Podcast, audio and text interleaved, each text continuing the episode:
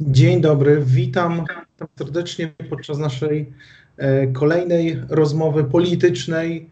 E, dzisiaj gościem mm, jest e, dr Bartłomiej Biskup z Uniwersytetu Warszawskiego. Witam serdecznie. Dzień dobry. Dzień dobry. Chciałbym, żebyśmy porozmawiali dzisiaj na temat bardzo, bardzo istotny, który czasami w tej naszej codziennej walce politycznej czy debacie publicznej jest, y, schodzi na taki, na taki dalszy plan, ponieważ y, większą rolę odgrywają tutaj e, emocje i niż mechanizmy, które e, tymi emocjami e, tutaj w jakiś sposób zarządzają, czyli komunikacja polityczna. Bartku, ty zajmujesz się właśnie tą, tą, tą tematyką I bardzo e, interesuje mnie Twój pogląd na temat zmian, jakie e, zaszły w tym obszarze, jeśli chodzi o komunikację polityczną na przestrzeni lat. Czy jesteś w stanie tutaj właśnie wyszczególnić kilka takich etapów, czy kilka obszarów, które są takimi kamieniami milowymi, jeśli chodzi o komunikację polityczną? No właśnie, to jest temat y, komunikacji, to też jest temat w ogóle całych strategii y, komunikacyjnych, które partie przyjmują, które się łączą też y, ze strategiami wyborczymi czy strategiami kampanii.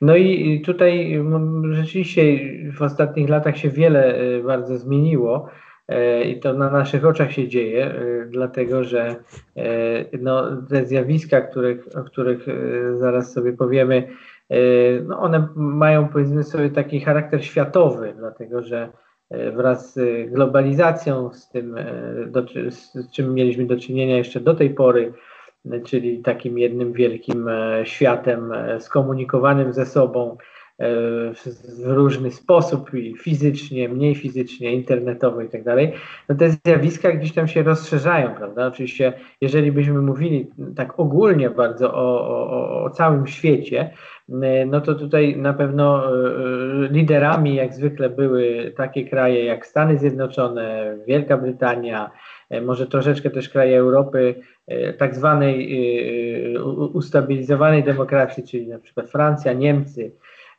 I to, co się działo w latach 80., powiedzmy od lat 80. do teraz, czyli to jest raptem 30-40 lat, ale przez te 30-40 lat E, zaszło tam mnóstwo, mnóstwo zmian, które y, de facto również dzieją się u nas, czyli w Polsce, też w krajach środkowej Europy. E, no i mówimy generalnie o krajach demokratycznych, tutaj też z niektórych narzędzi oczywiście korzystają kraje niedemokratyczne, czy, czy, czy w jakichś innych reżimach będące. Y, ale one też gdzieś tam y, może mogę powiedzieć, że biorą te narzędzia do siebie, ale no, korzystają z nich trochę w inny sposób, więc wydaje mi się, że to y, to też trzeba tylko tak przeanalizować pobieżnie, no bo trudno powiedzieć, nie wiem, o demokracji czy, czy o ustroju nie wiem, na przykład Rosji czy Chin, że tam jest jakiś marketing polityczny w takim wydaniu, jakim my byśmy my o nim myśleli. Natomiast y, przede wszystkim te zjawiska dotyczą no, takich z jednej strony oczywistych obszarów jak zmiana kanałów komunikacji, czyli tutaj rola e, internetu i rola e, tego komunikowania takiego, powiedziałbym, nawet odmasowionego za pośrednictwem internetu. Czyli e, tutaj z jednej strony może mamy taki paradoks, bo mamy z jednej strony komunikowanie bardzo masowe, bo ono dociera do wszystkich, ale w sumie ten sam komunikat jest zindywidualizowany, bo te kampanie nas nauczyły, szczególnie na przykład ostatnie kampanie amerykańskie, że można dotrzeć do Mm, każdego z nas, każdego z wyborców e, no, we w miarę zindywidualizowany sposób, prawda? Czyli to, co w literaturze określa się właśnie kampanią postmodernizacyjną, no to y, mamy z nią do czynienia właśnie teraz. Czyli to jest ta zmiana trochę kanałów, nacisk na internet. Aczkolwiek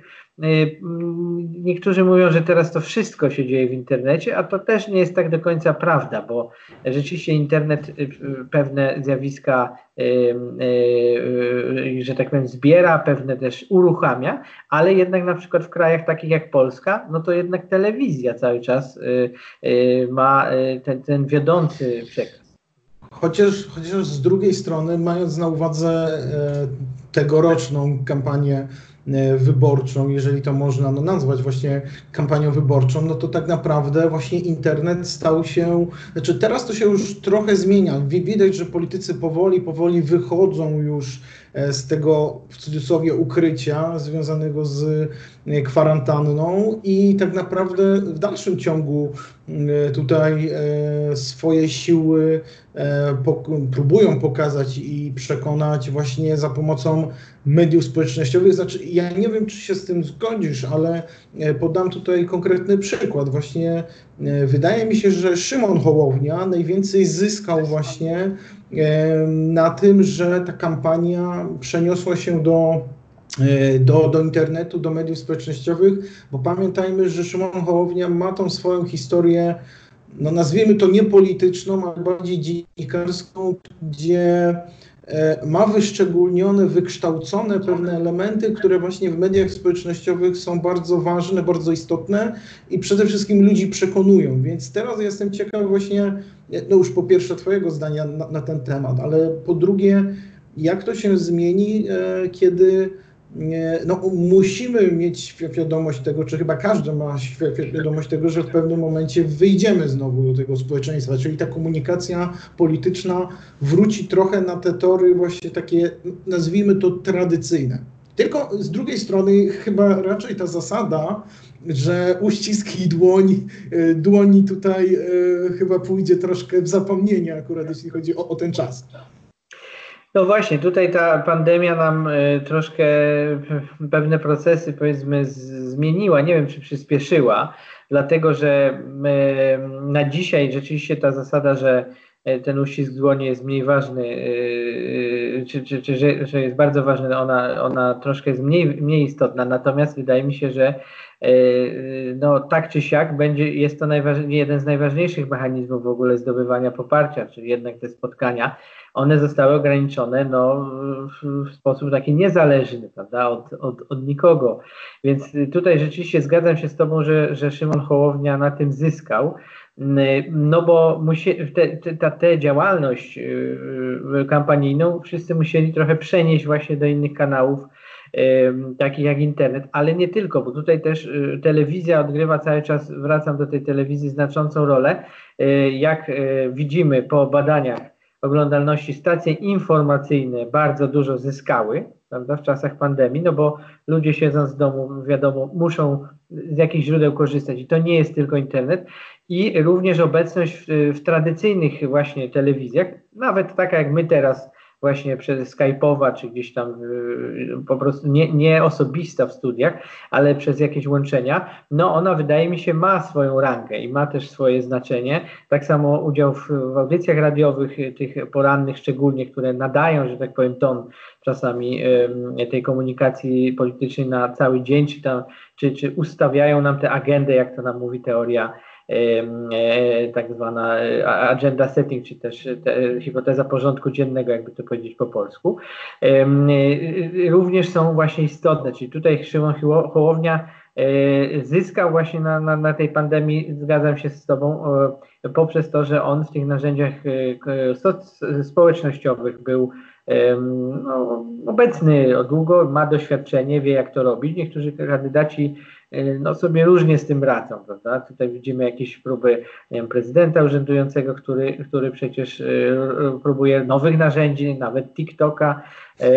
No tutaj Małgorzata Kidawa-Błońska jeszcze do niedawna, która była mało obecna dosyć w tych mediach społecznościowych, czyli tutaj te strategie widzimy różne, ale też one trochę wynikają z samej wcześniejszej obecności kandydata i charakteru, no bo mówimy Szymon Kołownia, on takim, takim jest człowiekiem, że w tych mediach społecznościowych może brylować i e, jest do nich przyzwyczajony, a na przykład ludzie, którzy no, powiedzmy są trochę starsi, e, starszego pokolenia politykami, no mają już pewien problem. A na przykład co wolno urzędującemu prezydentowi, prezydentowi, a czego nie wolno? To jest pytanie jakby odrębne, prawda? Bo tu są różne zdania. Czy on powinien być na TikToku, czy nie powinien, czy powinien wziąć udział w tym wyzwaniu raperskim, czy nie powinien. Właśnie, no to są takie Ale właśnie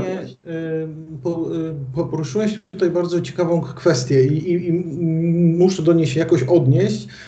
Troszkę odbiegniemy od tematu naszej dyskusji, ale ją wywołałeś. Właśnie temat, y, co w komunikacji politycznej wolno obecnie y, piastującemu funkcję prezydenta, a czego nie wolno. Bardzo często jest taka teza, że prezydent y, ma ten handicap, w postaci tego, że jest prezydentem, odnajduje się w środkach masowego przekazu poprzez swoją no, działalność, którą musi E, prowadzić, ale pytanie, ja tak powiem szczerze, od jakiegoś czasu twierdzę, że to nie jest też e, dobre roz, rozwiązanie, ponieważ prezydent on nie prowadzi jako, jako kampanii wyborczej, on nie przekonuje do e, do swojego programu, on musi, że tak powiem, w swoim właśnie przekazie no tutaj skupiać się przede wszystkim na tych, e,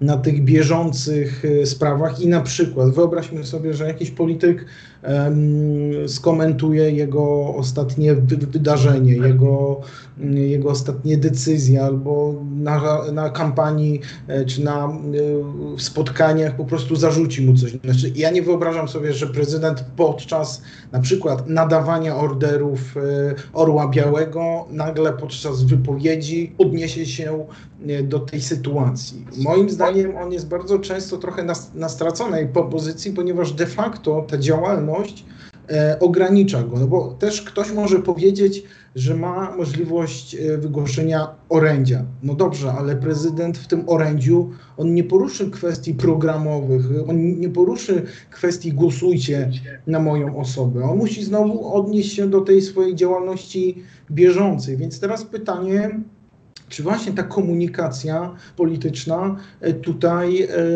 no, w jakiś sposób odgrywa tą, tą rolę i jaką tak naprawdę? No, oczywiście urzędujący prezydent tutaj w tym wypadku, czy każdy urzędujący kandydat ma troszkę inne zadanie, prawda, bo on strategicznie powinien do tego inaczej podejść, tak jak mówisz, bo, bo też musi sprawować cały czas urząd, prawda, i Oczywiście z reguły wszyscy mówią, że to jest e, e, przewaga, ale z drugiej strony wydaje mi się, że właśnie tak jak zgadzam się z Tobą, że to może być trudność, bo e, no, wszyscy inni kandydaci atakują zawsze tego urzędującego. Zresztą tak, taka jest logika rzeczy, prawda? Czyli oni wszyscy I zawsze mówią, tak będzie.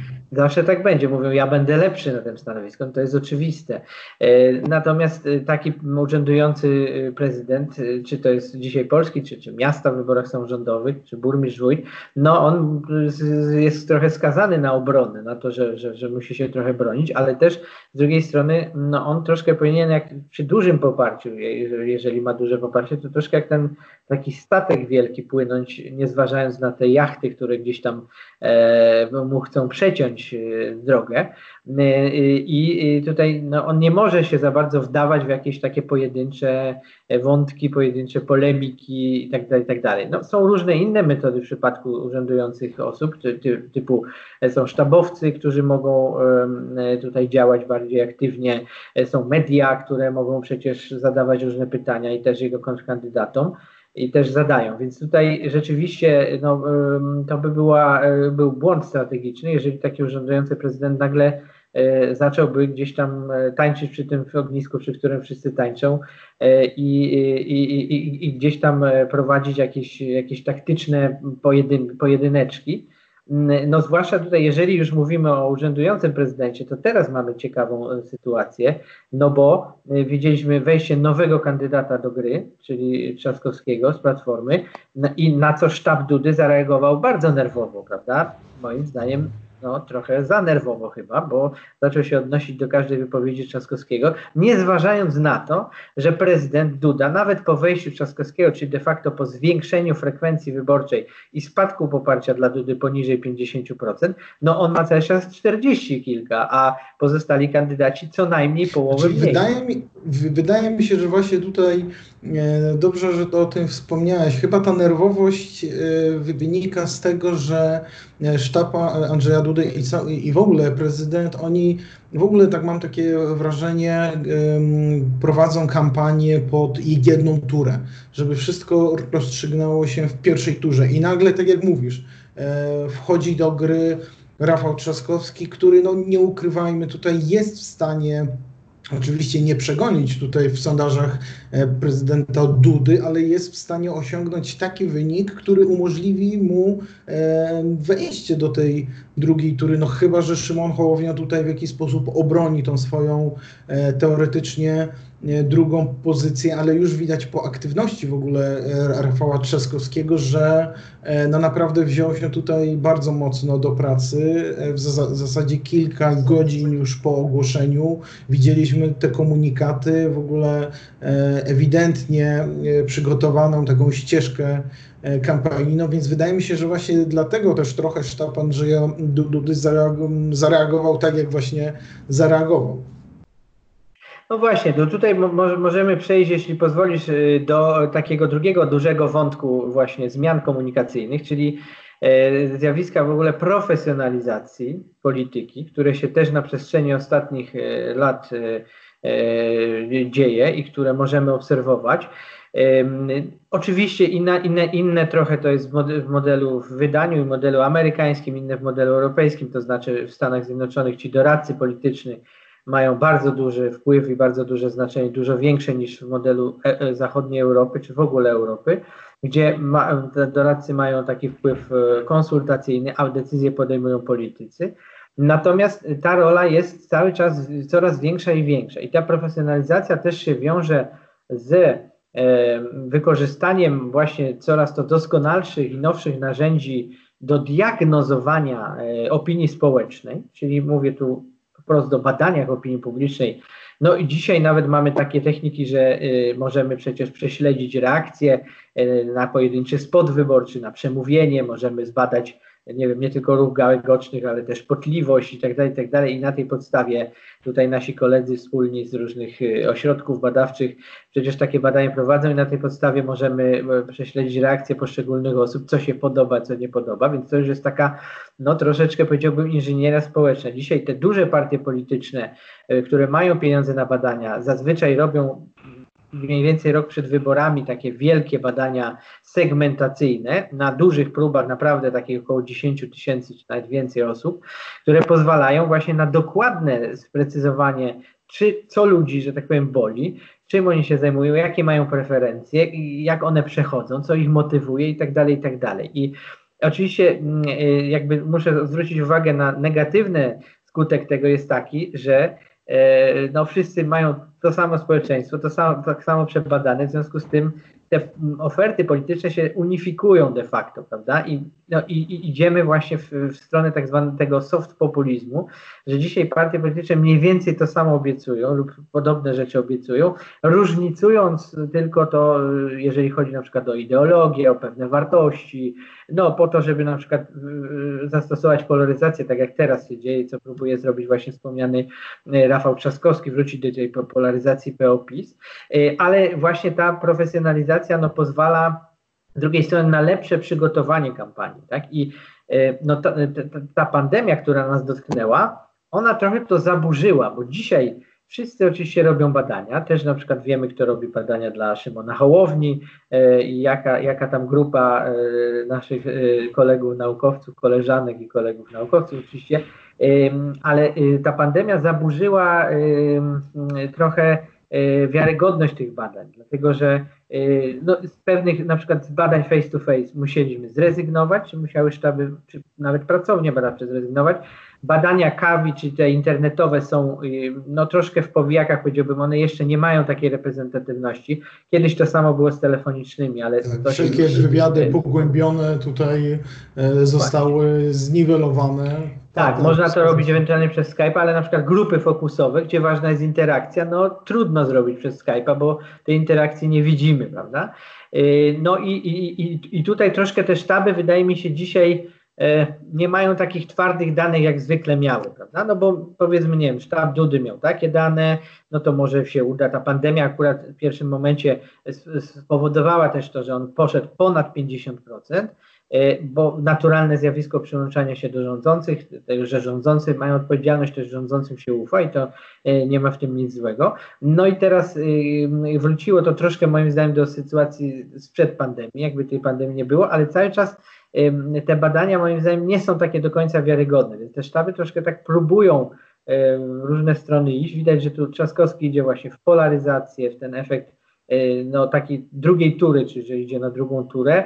E, no, Hołownia szedł takim tropem prezydenta bezpartyjnego, tym antyestablishmentowym, prawda, co też e, ma swoich wyborców i też w każdych wyborach to się sprawdza i tak dalej. Ale nigdy zauważyłeś... Pytanie, no właśnie, tylko dokończę tylko pytanie, takiego... czy, czy będzie jakaś korekta, prawda?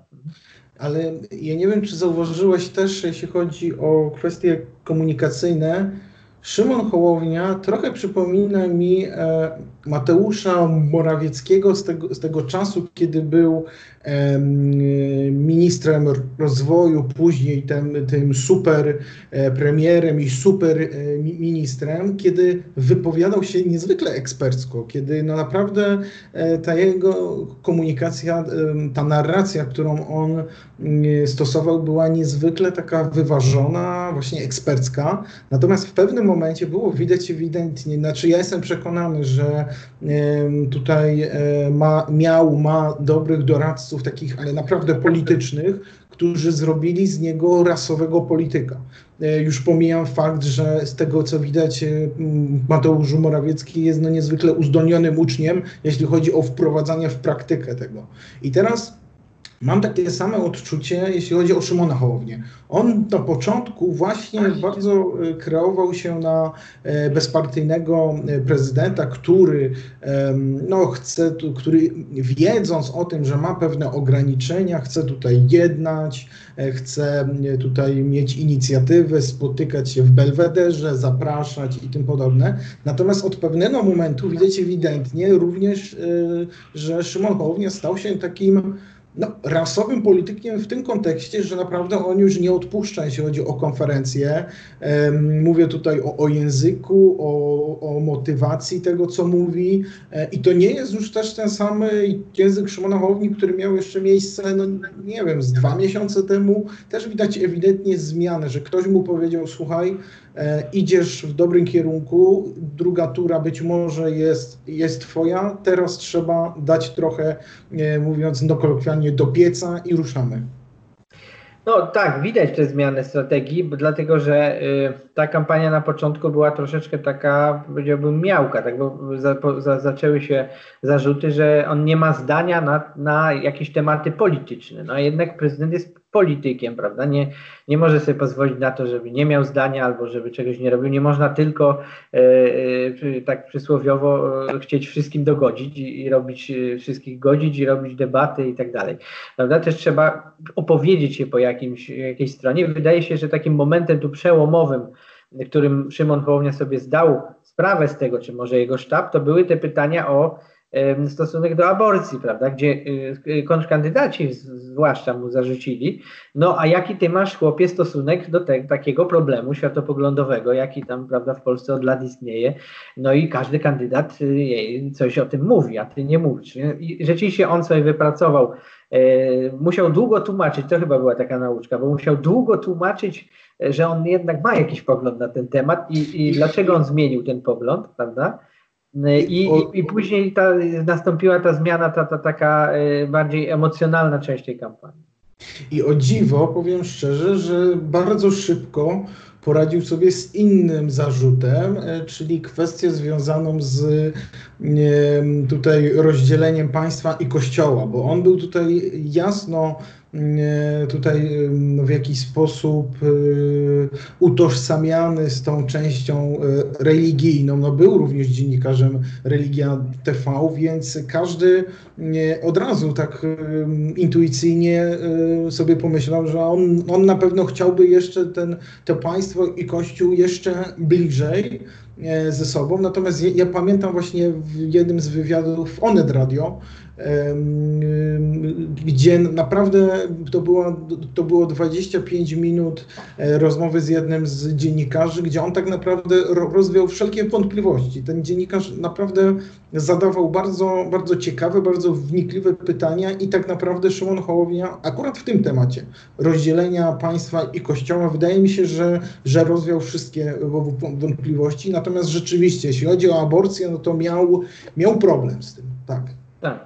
No właśnie, więc widać tutaj, że każdy, każdy się y, uczy i rzeczywiście tutaj ta profesjonalizacja z jednej strony, to, o której mówiliśmy, to jest ważna rzecz, ale z drugiej strony, no jednak y, ludzie potrzebują takiego rasowego polityka, prawda? Czyli no, kogoś, kto jednak będzie y, umiał coś powiedzieć na, na, na jakiś temat, ma, będzie miał zdanie, będzie umiał tego zdania e, obronić, ale też wy, e, może roztoczy też jakąś wizję, prawda, przed ludźmi, czy może do czegoś ich zachęci, gdzieś tam może ich poprowadzić. No chyba to są też takie oczekiwania i tutaj często jest tak, że ludzie, ludzie spoza polityki sobie właśnie z tym nie radzą, prawda? Oni myślą tak, no to ja jestem znany, no to ludzie będą na mnie głosować, bo mnie lubią, a to tak nie jest do końca, prawda? Bo no to, tak, sympatia to jest jedno, tak. a, a poglądy właśnie to, to jest y, zupełnie co innego.